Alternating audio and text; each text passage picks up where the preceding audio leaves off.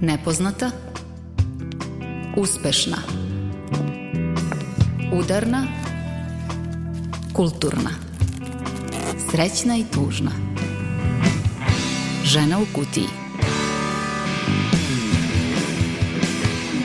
Dobar dan, dobrodošli na Talase Radio Novog Sada i hvala vam što slušate Žena u kutiji. Sa vama ovog puta Milica Kravićak Samit, moja saborkinja, koleginica i prijateljica Tamara Srijemac. Da, nas dve uvek na zajedničkom zadatku da vas informišemo i otvorimo neke nove perspektive kada je reč o ljudskim, pre svega o ženskim pravima. Kako to ovoga puta činimo?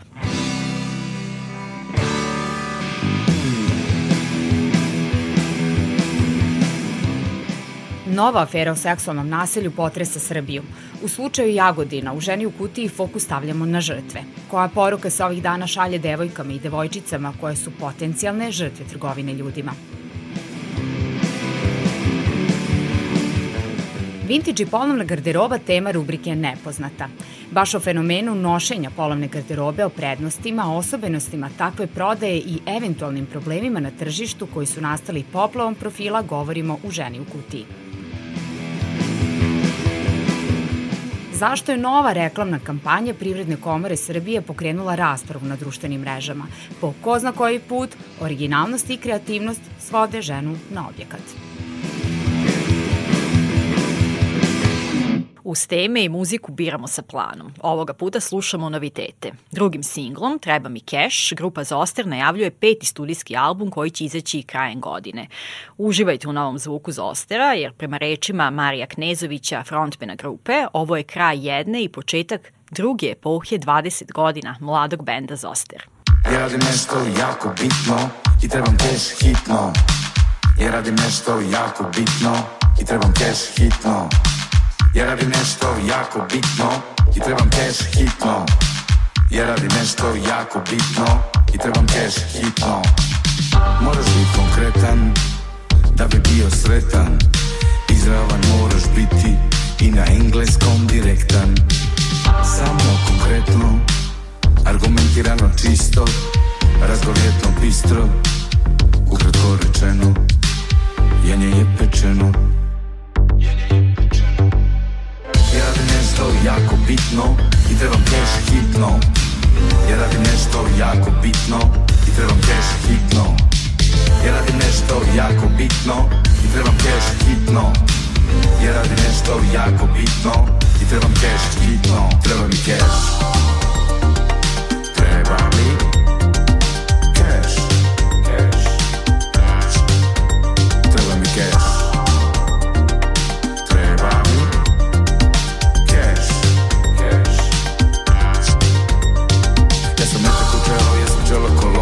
Jesam udarna igla, jesam vrša koplja Zabijem u masu Treba cash Ja sam metak u čelo, jesam čelo kolone Jesam udarna igla, jesam vrša koplja Zabijem u masu Treba mi cash Ja sam metak u čelo, jesam čelo kolone Jesam udarna igla, jesam vrša koplja Zabijem u masu Treba mi cash Ja sam metak u čelo, jesam čelo kolone Jesam udarna igla, jesam vrša koplja Zabijem u masu Treba mi cash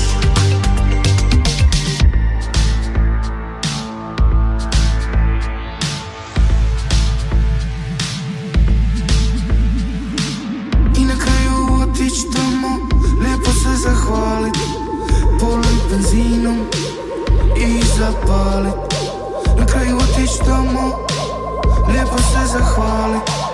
Polit benzinom I zapalit I zapalit I zapalit Ja sam metak u čelo, jesam čelo kolone. Jesam udarna igla, jesam vrša koplja Zabijem masu. Treba mi cash Ja sam metak u čelo, jesam čelo kolone. Jesam udarna igla, jesam vrša koplja Zabijem masu.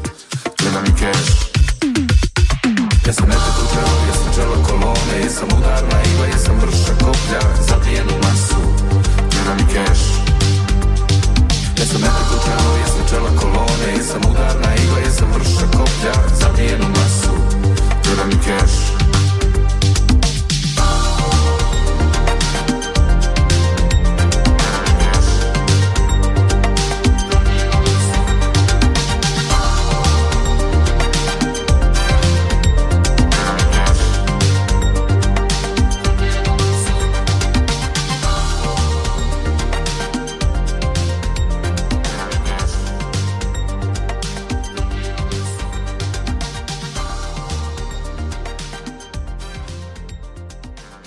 Udarna žena u kutiji. Još jednu emisiju otvaramo aferom o seksualnom nasilju i zloupotrebi o kojoj se protekle sedmice govorilo u javnosti. Da podsjetimo, ukratko, nova afera tiče se optužbe svedoka iz Jagodine, koji tvrdi da su Hotel Alfa u selu Končarevo kod Jagodine, kao i u klubu i prenoćeštu Tigar, na žurke kojima su prisustovali čelnici vlasti, dovođene devojčice od 15, 16, 17 godina i da se znalo da posle takvih žurki devojčice ostaju sa njima. Za organizaciju takve žurke direktno je prozvan lider Jedinstvene Srbije i predsednik Skupštine grada Jagodine Dragan Marković Palma. Lider Jedinstvene Srbije negirao je sve optužbe i naveo da tužilaštvo ne mora da troši papir za pozive, da će sam podneti zahtev da se slučaj ispita. To se i desilo.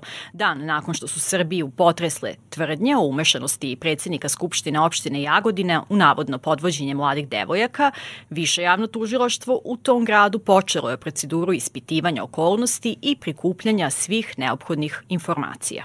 Umeđu vremenu došlo je najpre do razotkrivanja identiteta svedoka, zatim objavljivanja i najave novih svedočenja.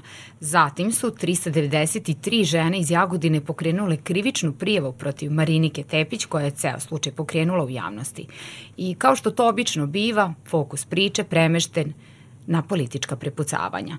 U ženi u kutiji upravo ne želimo da se bavimo tim prepucavanjima, u fokusu su nam kao i uvek žrtve u ovom slučaju devojke i devojčice koje su, postoji sumnja, bile žrtve trgovine ljudima. Na osnovu onoga što je bilo u medijima i izjave potencijalnog svedoka, čini se da se radi o organizovanom lancu trgovine ljudima, kaže Kristina Piskulidis iz nevladine organizacije Astra. Dobra stvar, dodaje ona, je to što više javno tužiloštvo u Jagodini formiralo predmet protiv Dragana Markovića Palme na osnovu izjave svedoka, navoda u medijima i njegovog iskaza. Dalji postupak institucija je da utvrdi šta je od toga istina. Međutim, imajući u vidu da je Jagodina prilično malo mesto, i da je uticaj osoba koje su upletene u ovaj slučaj veliki. Naša organizacija podržava inicijativu da se ovaj predmet delegira nekom drugom višem javnom tužilaštvu. To delegiranje može pokrenuti samo više javno tužilaštvo u Jagodini. Ukoliko se to ne desi, to može da uradi Republičko javno tužilaštvo, a s obzirom na to da je trgovina ljudima spada u teška krivična dela i organizovani kriminal, onda možda treba razmisliti i o opciji da se predmet um, delegira uh, višem tužilaštvu za organizovani kriminal. Da bih tražio da se slučaj sa tužilaštva u Jagodini prebaci na neko drugo, morao bih da ispunim uslove za to. Recimo da dokažem da sam pristrasan, da sam u rodbinskim vezama sa licima koja se pojavljuju u slučaju i slično. Pošto te uslove ne ispunjavam, nemam osnov da tražim izuzeće. To je u medijima prvobitno izjavio viši javni tužilac u Jagodini Radoslav Vučković. Prema njegovim rečima, policiji je naloženo da ispita sva lica koja se pominju u tom kontekstu.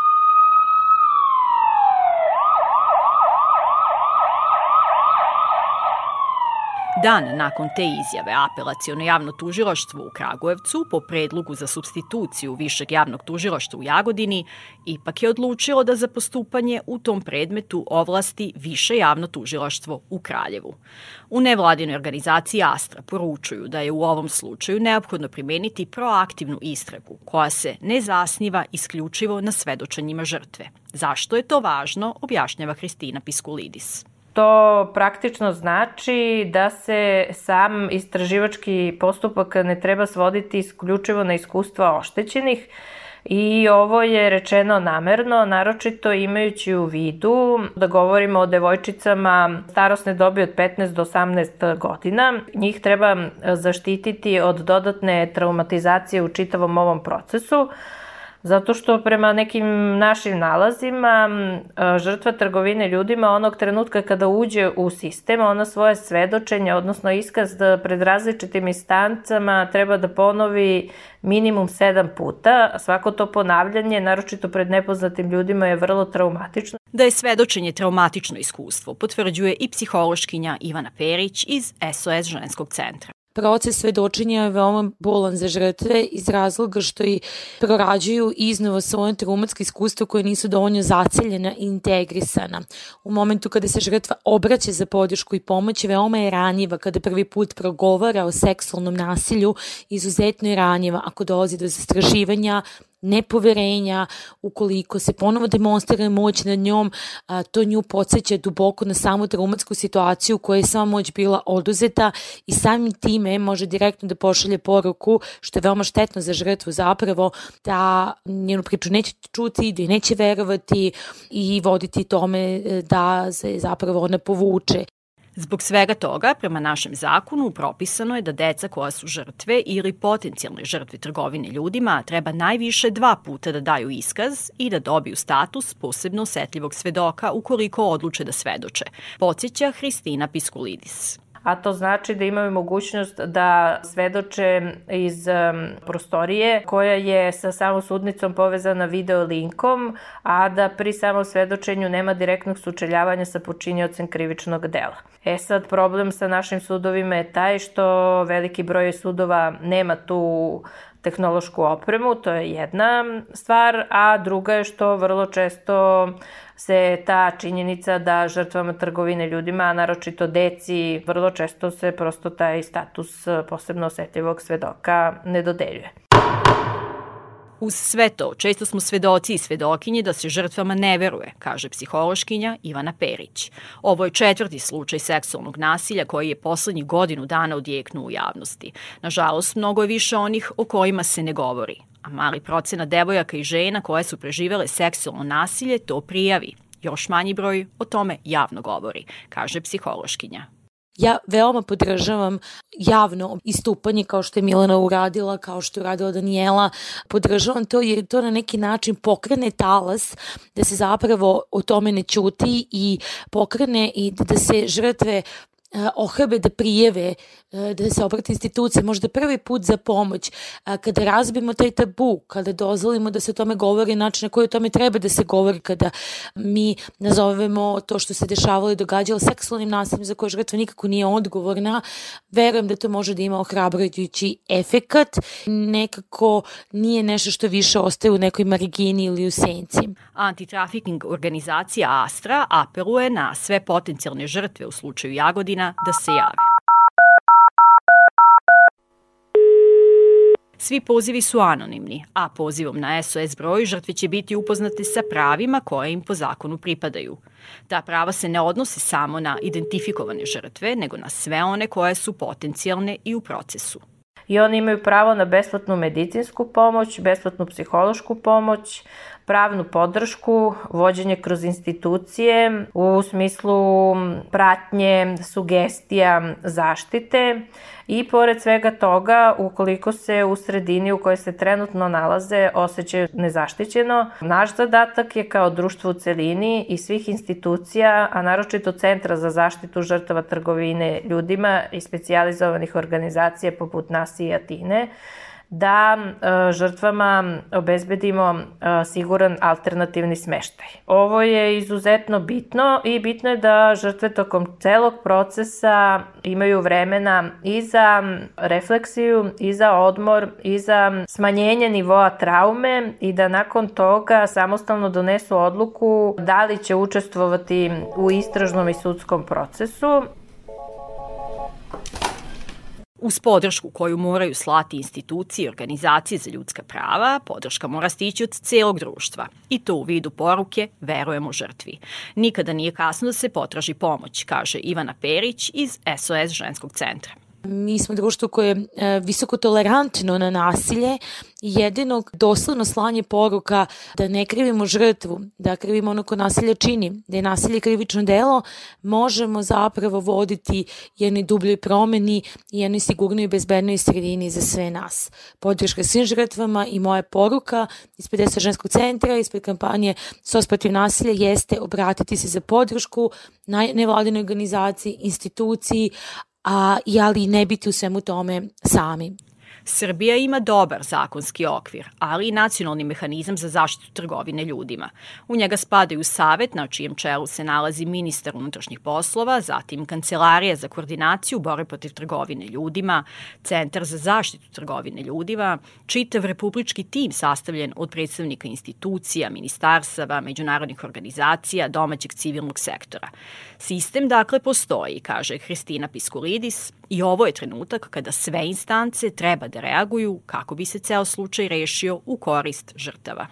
Ono što mi imamo priliku da vidimo je da se čitava priča politizuje i svodi na, na dnevna politička prepucavanja i s obzirom na to ko su oštećeni, odnosno oštećene i da su u pitanju veoma mlade osobe, odnosno deca, ovo nije obična afera, mi svi zajedno, društvo u celini, ne smemo da dozvolimo da se ovo svede na samo još jedan politički skandal, već odgovorne osobe, ukoliko su navodi tačni, moraju da odgovaraju i ovo je bukvalno situacija u kojoj je čitavo društvo na ispitu. U prošloj emisiji smo govorile o nedavnoj odluci Ustavnog suda od 4. marta 2021. godine koji je usvojio ustavnu žalbu Astrine klijentkinje, žrtve trgovine ljudima, koja je u vreme izvršenja dela bila maloletna i done odluku da je povređeno pravo na zabranu trgovine ljudima. Za kraj, Hristina Piskulidis podsjeća na tu presudu koja se ne smije ignorisati ni u ovom slučaju.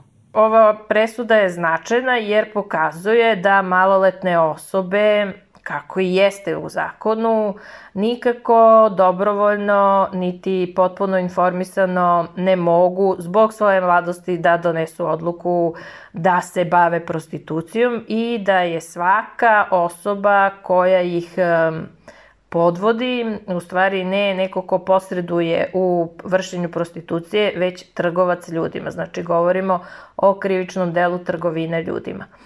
Čak i u slučaju da nije primenjena sila, zato što govorimo o veoma mladim osobama. Iz te perspektive ova odluka Ustavnog suda je značajna, prosto daje smernicu da se ne naprave slične greške. Prethodne sedmice dočekala nas je i vez da je više javno tužilaštvo u Beogradu podiglo optužnicu protiv profesora glume Miroslava Mike Aleksića. Aleksiću je stavljeno na teret izvršenje dva produžena krivična dela silovanja, dva krivična dela silovanja, jedno produženo krivično delo nedozvoljenih polnih radnji i četiri krivična dela nedozvoljenih polnih radnji. Sve to na štetu sedam oštećenih. Kako navode u tužilaštvu, predloženo je produženje pritvora prema okrivljenom, o čemu će odlučiti Viši sud u Beogradu. A radi zaštite privatnosti učesnika u postupku predloženo je isključenje javnosti tokom trajanja glavnog pretresa. Da podsjetimo, javnosti za slučaj Miroslava Aleksića saznala u januaru, kada je glumica Milena Radulović ispričala šta je pretrpela od svog profesora glume. Želimo da ovakve presude, procesuiranja, ali i prijavljivanja svakog oblika nasilja ne budu na nivou statističke greške, nego naša realnost. A zašto se Bojan Slačala i Stuttgart Online osjećaju kao statistička greška, to ćemo čuti u novoj pesmi. Žao mi je.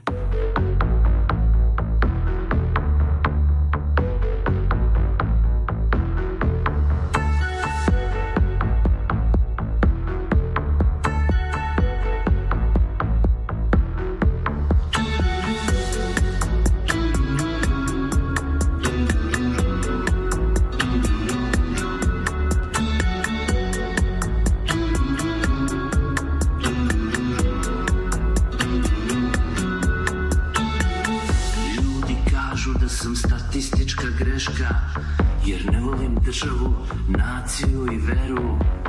Ne volim zastave od lakih materijala. Sintetički ponos što viori na vetru. Ljudi kažu da sam statistička greška Jer ne verujem u više partijski izborni sistem. Ne izgaram ko paljevina za nacionalnu svrhu. Gnušam se ludaka na političkom vrhu Nisam normalan.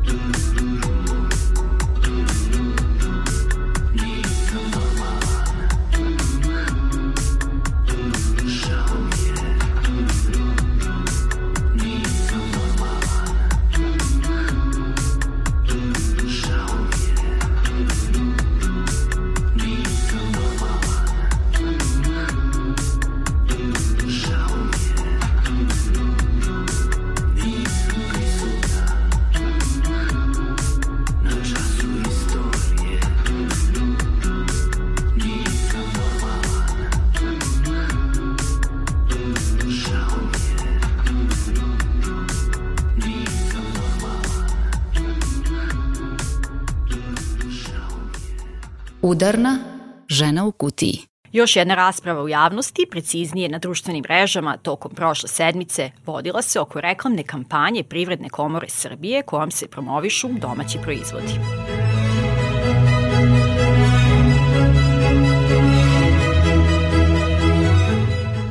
Kampanja je pokrenuta u okviru projekta Čuvar kuća uz poruku Biri plodove naše zemlje, našeg sunca, našeg neba, naših ljudi. Biraj više od 600 mirisa, ukusa, proizvoda iz Srbije sa oznakom Čuvar kuća. Pa dobro, šta je tu sporno? Slika. Slika koja produbljuje rodne stereotipe. Da, u jednom spotu je nekoliko scena koje mogu da izazovu seksualne asocijacije i u kojima je žena prikazana na erotizovan način. Između ostalog, u spotu vidimo med koji curi preko usana žene, niz leđa, a zatim i završna scena u kojoj žena mazi poljoprivrednu mašinu. Nakon objavljivanja reklame, brojni pojedinci i pojedinke su na društvenim mrežama reagovali osudama. Mi ćemo se zadržati na reakciji poverenice za zaštitu ravnopravnosti Brankice Janković, koja je ocenila da je reklamna kampanja Privredne komore Srbije kojom se promovišu domaći proizvodi uvredljiva i seksistička. Po ko zna koji put originalnosti i kreativnost vode žene na objekat koje se ni na koji način ne mogu dovesti u vezu sa proizvodima koji su prikazani, već predstavljaju i vređenje dostojanstva svih žena. Nije potrebno biti stručan za rodnu ravnopravnost da bi se razumelo kako ovakvi sadržaji podržavaju i podstiču rodne stereotipe. Nije potrebna stručnost ni da bi se razumelo da se konkretnom reklamom šalje i neprimerena poruka o tome šta su pravi brendovi i proizvodi Srbije. Mogu se napraviti vrlo kreativne reklame koje promovišu izuzetne proizvode naše države, ali bez prikazivanja žene kao erotizovanog objekta, već uz poštovanje ravnopravnosti i upravo velike uloge žena u proizvodnji domaćih proizvoda. Poverenica Janković još jednom poziva sve kompanije i marketniške agencije da poštuju propise i uzdrže se od kreiranja sadržaja koji podstiču i produbljuju stereotipe. Slovenački band Meni jedan od omiljenih Koala Voice obradovanos je još jednim singlom koji najavljuje novi album. Vukovi pevaju o slomljenim srcima prijateljstvu, ali ono što je najsimpatičnije za taj slovenački band što je ova pesma na hrvatskom jeziku. E, kako kaže Manca Trampuš, poigravanje jezikom na neki način postalo je konstanta u našim tekstovima. To je druga pes, pjesma na hrvatskom, ali imamo i pesama na slovenskom, engleskom i francuskom. Ono što želimo reći je da to ovisi o raspoloženju pesme, načinu stvaranja i slično. Ovom pesmom nekako bilo je jasno od prvog jamanja da im hrvatski odgovara, a naravno i nama odgovara jer potpunosti razumemo, a njih smo voleli i na slovenačkom i na engleskom, tako da uživajte u pesmi Vukovi. Samo bježim jer nisam više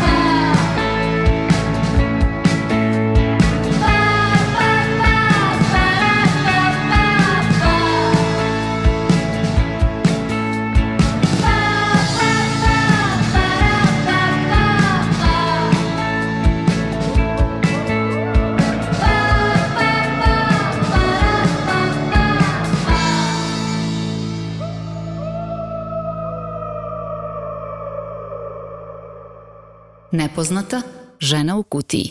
Na red da o njoj pričamo kao fenomenu stigla je i polovna garderoba. Vintage Hunter, Vintage Basement, Vintage Factory, Vintage Secret, Vintage garderoba, samo neka kruži Offinger, Robna kuća Beograd i mnoge druge stranice na Instagramu. Morali ste vi da primetite sve veći broj profila na Instagramu koji prodaju polavnu i vintage garderobu. A prednosti takve kupovine komentariše modna novinarka, koautorka FFM podcasta Marija Radaković. E, second hand odeća predstavlja održivi izbor zato što je reč o garderobi koja je već proizvedena i nalazi se među nama, e, tako da na taj način mi u stvari produžavamo životni vek i trajanje takvih komada što ujedno predstavlja vid reciklaže zato što sprečavamo da dodatni tekstil završi na deponijama ili bude spaljen, a u suštini može da bude nosiv i dalje. E, još jedna od prednosti e, ovog tipa garderobe jeste što je izrada e, nekada bila znatno kvalitetnija, a i materijali koji su se koristili za proizvodnju odevnih predmeta bili su neuporedivo boljeg kvaliteta i u dosta većoj meri je korišćen prirodni materijal. Baš o fenomenu nošenja polovne garderobe, o prednostima takve kupovine, osobenostima takve prodaje i eventualnim problemima na tržištu koji su nastali poplavom profila koji prodaju takvu odeću, bavit će se naša žena u kutiji u rubrici Nepoznata. Naša priča kreće od slučaja mojih drugarica. Dve mlade mame iz Bačke Palanke, Bojane Radojević i Gorene Bebe Šarac, koje su smislile način kako da zarade dodatni novac, a da se ujedno reše viška garderobe i podrže princip održive mode. Mi smo pre jedno pola godine, eto, kao zvanično krenule u taj korak, iako već neko vreme duže razmišljamo o tome, ja nekih već, eto, skoro godinu dana apsolutno ništa ne kupujem, to je nekakva moja kao odluka. Počelo je od trudnoće, a završilo se koronom i onda se samo nastavilo. Eto, moja odluka je da pokušam da pređem na nekakav minimalistički stil oblačenja, odnosno da uvedem u svoj život nekakav, nekakvu održivu modu, da razmišljam o tome šta ću da kupim pre nego što kupim, a ne samo da ono robujem fast fashion brendovima i da kupujemo samo zato što je jeftino. Kao velike zaljubljenice u modu koje su pre trudnoće do vrha popunile ormare, Beba i Bojana odlučile su da je i po njih i po prirodu najbolje da odeća nastavi da kruži. Zato su osmislile Bebe Offinger i šifonjer Instagram profil na kom prodaju svoje krpice. Razlog za prodaju naravno leži i u dodatnom novcu koji njih dve mogu da zarade. To objašnjava koleginica u prodaji Bojana Radojević. Pa naravno da je važan. Beba i ja smo obe prosvetni radnici i bile smo e, na porodiljskom osustvu. Posle toga je došla korona, inače nemamo pun fond časova. E, ja nisam još došla do tog stupnja e, kao ovo Gorana što se tiče minimalističkog ormana i tako dalje. Tako da meni ovo znači u tom smislu što od prodaje garderobe koju ne nosim mogu da nabavljam nove krpice, koliko god to sad zvučalo možda malo prozaično, ali jednostavno je tako. A, I ne samo to, nego prosto taj neki novac smo jedno vreme uplaćivali u humanitarne svrhe. Ono znači ti kada skupiš neku paru, mi nismo ni imale ovaj, ni želju, ni ideju da ćemo od toga poslati milioneri, naravno da nećemo, ali u svakom slučaju super je osjećaj kada ono, možeš da zaradiš neki novac od neplanirano potpuno. Saradnica Gorana Beba Šarac pojašnjava da je sva garderoba njihova lična ili od drugarica jedan dan je to bilo nekakvo veliko spremanje ormara i onda je došlo do toga da sve to polako počnemo da fotografišemo i da kačimo na tu našu Instagram stranicu. Počelo je od nas dve, pa se priključilo tu još jel, nekoliko naših prijateljica. Uglavnom, garderoba je sva naša, nema nikakve preprodaje tuđih stvari, stvari za koje ne možemo same da garantujemo, koje same ne bi nosile. Sve su znači stvari uglavnom jako malo nošene, čak i nenošene, ukoliko nešto je malo duže nošeno ili ima grešku, trudimo se da to verno jel, predstavimo fotografijama. Po niskim cenama preko Instagrama prodaju polovnu ili čak novu garderobu od S do L veličina, nakit i obuću. Stranicu BB Offinger i šifonjer održavaju same, redovno kače fotografije, nove, stare odeće i trude se da odgovore na sve upite čim prestignu, kažu Bojana i Gorana. Nismo baš ovaj, tehnički potkovane, jel? Ni- Nisu nam to ni struke, niti ljubavi. Garderoba je uglavnom kod mene, ovaj, ja je fotografišem i ja se bavim Instagram stranicom, dok je Bojana zadužena za taj neki tehnički deo pa- pakovanja, slanja. Na poruke nekad odgovaramo i obe, nekad jedna, nekad druga, kako ko stiže, mala su deca dok spavaju ili ne znam, dok, dok su negde u nekim šetnjama sa bakama, tad se fotografiše i tad se odgovara na poruke i to je to. Širi se prilično dobro, mislim da je to zaslužan naj, najviše Instagram i ono, gomila naših prijatelja koji znaju da se mi time bavimo, pa i šeruju našu stranicu i šta je znam, trude se da nam pomognu koliko mogu. Uh, volele bi, ja bi lično volela, verovatno se Gorana slaže sa mnom, da onako imamo sezonsku garderobu koju ćemo za svaku sezonu moći da izbacimo nešto novo, da malo opet procunjamo po second handovima kad se naravno sve vrati u normalu, da možemo da idemo slobodno i da taj krug, da to traje, da ne bude da smo sad sve prodali pa to time se više ne bavimo, nego da prosto nam to bude neki hobi koji će nas zaista ispunjavati kao što nas ispunjava već sada. Da je sve više profila na Instagramu koji se bave prodajom polovne garderobe primećuje i koautorka FFM podcasta modna novinarka Marija Radaković. U poslednje godinu i po dve dana na lokalnoj sceni je prisutan sve veći broj Instagram profila koji prodaju second hand garderobu i pozitivan aspekt toga jeste da je ovaj vid e, odeće svima nama postao dostupniji. Međutim, kada sagledavamo iz aspekta održivosti i održivog poslovanja, postoji par izazova na koje možda treba ukazati. Uh, jedan jeste uh, impulsivna kupovina, obzirom da se često neki komadi vrlo brzo prodaju prodaju, to e, sve nas, potencijalne kupce, dovodi do toga da smo jednostavno u iskušenju da impulsivno kupimo neku stvar, možda samo iz straha da se ona ne rasproda u sledećem trenutku. Opet kažemo, prekomerna kupovina nije nikako u skladu sa održivosti. Sa druge strane, vezano za prodavce, pa kao i u svakom poslovanju, tu se podrazumevaju neki etički principi poslovanja, transparentnost pre svega kao preduslov bilo koje održivosti. Za razliku od Bebe i Bojane, koje svoju staru garderobu prodaju samo preko Instagrama, novoseđanka Jovana Belak nabavlja na veliku odeću i pored Instagram profila Vintage Club u kratkom roku otvorila je i fizičku prodavnicu, omogućivši priliku da se garderoba i isproba. Mogu da kažem da online prodaja i dalje po nekom procentu ide malo bolje, zbog situacije verovatno u kojoj smo i iz razloga što sada garderobu naručuju devojke širom Srbije. Međutim, devojke su stvarno dolazile iz Beograda, iz, i sa severa Srbije, a pogotovo iz Novog Sada obožavaju da dođu, rezervišu stvari, probaju. Fizička radnja je donala veliku prednost u prodaji zbog same te komunikacije sa devojkama, zbog te fizičke prisnosti, jednostavno da gradimo neku prelepu energiju.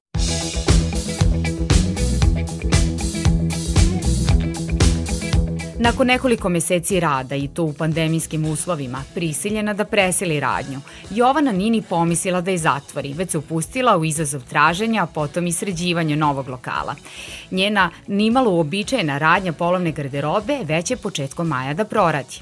Jeste da kod nas second hand radnja obično su tako izgledale kao i na iluni pijaca. Ja sam tela da napravim neku moderniju verziju svega toga, jednostavno pokažem ljudima da ako kupuju polovnu garderobu, da stvarno može i butik da izgleda lepo i da se osjeća kao da je sve novo i da nema razloga da sad kao ja idem polovnu garderobu, znam da ću tamo da rovarim, mene je sramota, šta ako me neko vidi, šta ti ja znam i da im podignem svest da nije sramota kupovati polovnu garderobu, kad je lepo i pregledno i kad lepo izgleda, da jednostavno promene razmišljanje o tome na taj način.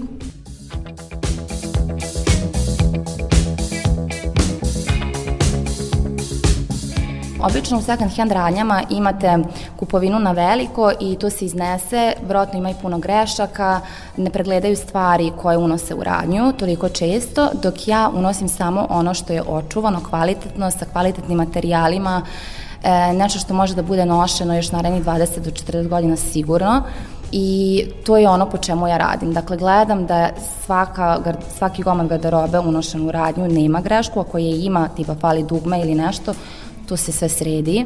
Uvek nosim sve na pranje ili perem kod kuće, ovde uvek sve čisto, uredno i spremno da se iz radnje nosi. Da bismo bolje razumeli sa čim se susreće osoba koja se odluči na posao prodaje polovne garderobe, sam proces objašnjava Jovana Belak. Početna tačka svega jeste da istražite dobro sve po internetu, da čitate komentare. Tražila sam veleprodajske kuće, pričala sam sa više njih, odlučila sam se za ono koja meni najviše odgovara. Stupili u kontakt, oni vam odrade sve što vam treba.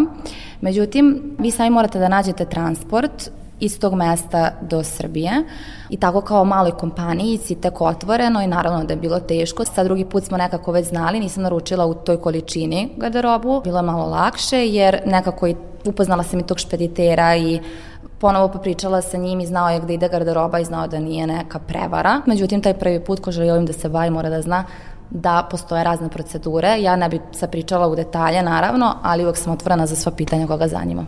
Prodaje polovne garderobe razlikuje se od klasične konfekcijske prodaje odeće, što od nabavke preko komunikacije sa kupcima koja je dosta neposrednija. Tako da se mnogi problemi u tome uočavaju, kaže modna novinarka Dunja Jovanović, dodajući da je formiranje cena polovne garderobe samo jedna od mnogo stavki koje nisu uređene u takvoj vrsti prodaje. Tema cena je čini mi se najglasnija i najaktuelnija zato što je prosto činjenica da kako ona postaje sve popularnija, prodavci sve više i više dižu cene i prosto kupovina polovne odeće je i tu da bi bila pristupačnija svima u odnosu na fast fashion brendove, a mi polako dolazimo do toga da nećemo moći da, da priuštimo polovnu odeću koliko cene rastu.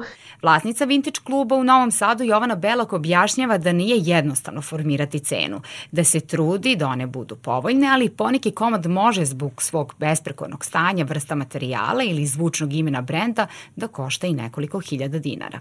Kod mene je malo teža situacija, to sam pričala i ranije, iz razloga što ja imam fizički radnju i što imam kasu i što ja ne mogu unošenjem stvari u kasu e, napraviti sve po komad i sad ja razvrstavam sve po komadima koliko šta košta, ja imam ne, neke kategorije, međutim kada je nešto malo skuplje, to je jednostavno najavljeno da je skuplje i da ima neku posebnu vrednost jer je to neka marka koja je stvarno i dan danas poznata ili njihova garderoba ima baš visoke cene ali gledam da je priuštivo u suštini. Pa nije ništa bilo više od 8000 dinara.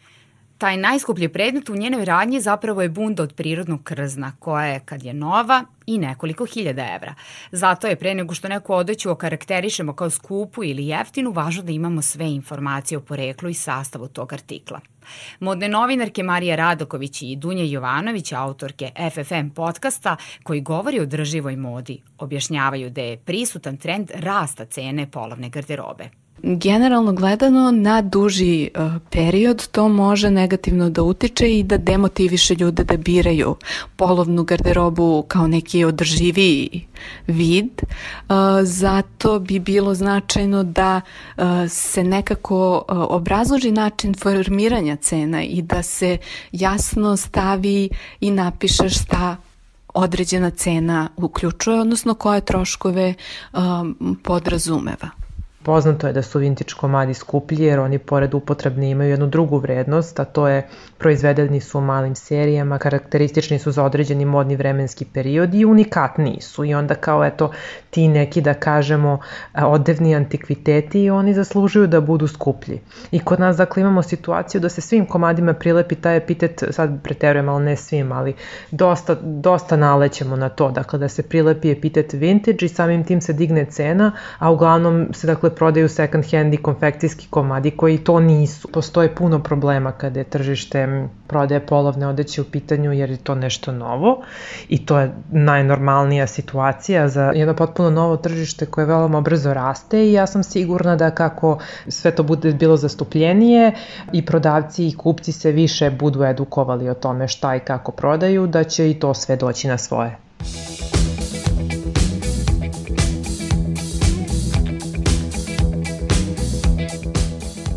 Polovna garderoba, pogotovo vintage u pravom značenju te reči, u savremenom dobu ne percipira se kao staromodna ili ona koja se kupuje kad za novo nemamo para. Saglasna je i vlasnica vintage kluba. Sad je vintage postao trend. Valjda i profila, više kako otvoriš jel, profil polovne garderobe, puno te profila zaprati. Sad prave vintage stvari, one imaju veću cijenu, normalno čak nekada i više nego što su bile kada su se prodavale.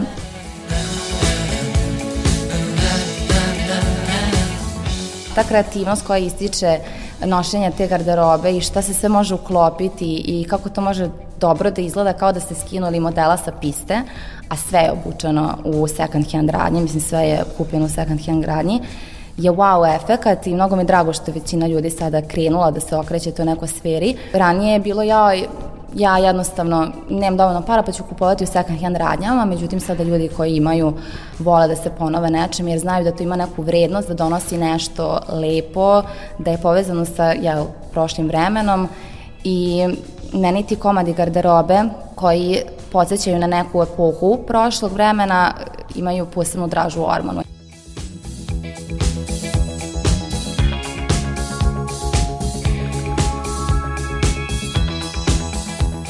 Zbog nostalgije za prošlim vremenima, oblačenja u maminom i bakinom ormanu, uživanju u muzici, kulturi i estetici 70. 80. i 90. godina. Jovana je prošle godine odlučila da u svom gradu otvori radnju koja će nas usporiti, posvetiti na ta bolja vremena, ali i uvesti u pojam održive mode. Ove sve fast fashion trendovi koji se brzo menjaju, kada pročitamo etiketu materijala i ostalo, vidi se da je to nešto da kažem, brzo potrošno i baš zato što je brzo potrošno, brzo se i menja. A ovo ostaje, ovo traje, vidi se da je krojeno nekako sa pažnjom, sa dobrim materijalima, s puno ljubavlju i jednostavno traje.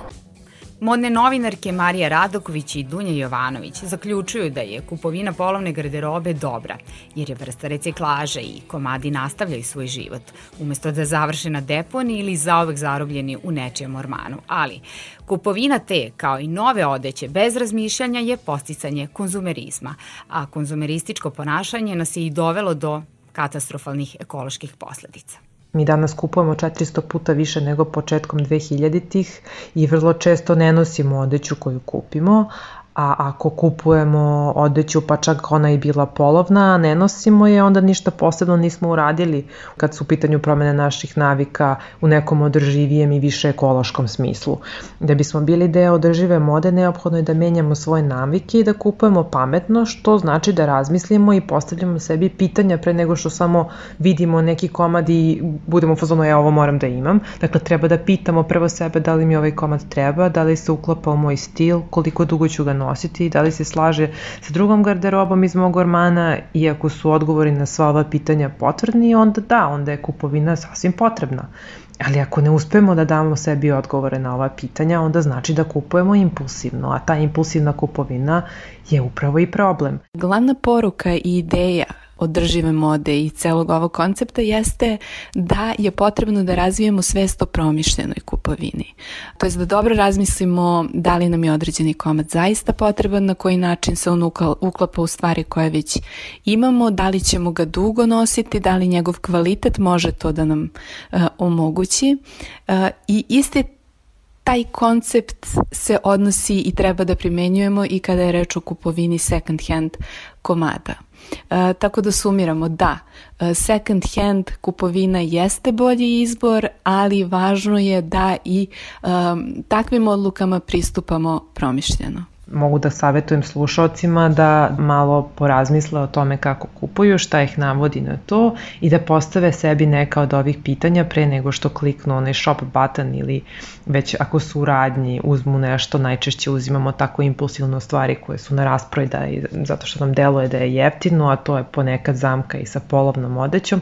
Dakle, postavljajte sebi pitanja, gradite svoj stil i izbegavajte da budete deo tog konzumerističkog mindseta koji nas i doveo do ovde.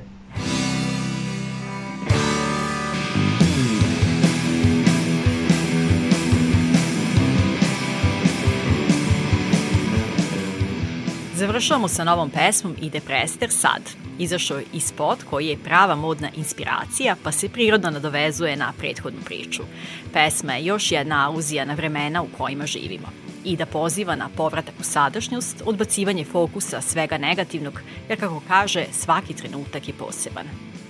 Dobro, u tom pozitivnom duhu želimo da završimo onda današnje druženje. Pozdravljamo vas, nas dve, Milica i Tamara iz Kutije i ovoga puta naša majstorica Tona Sabina Nedić. Slušamo se za dve sedmice.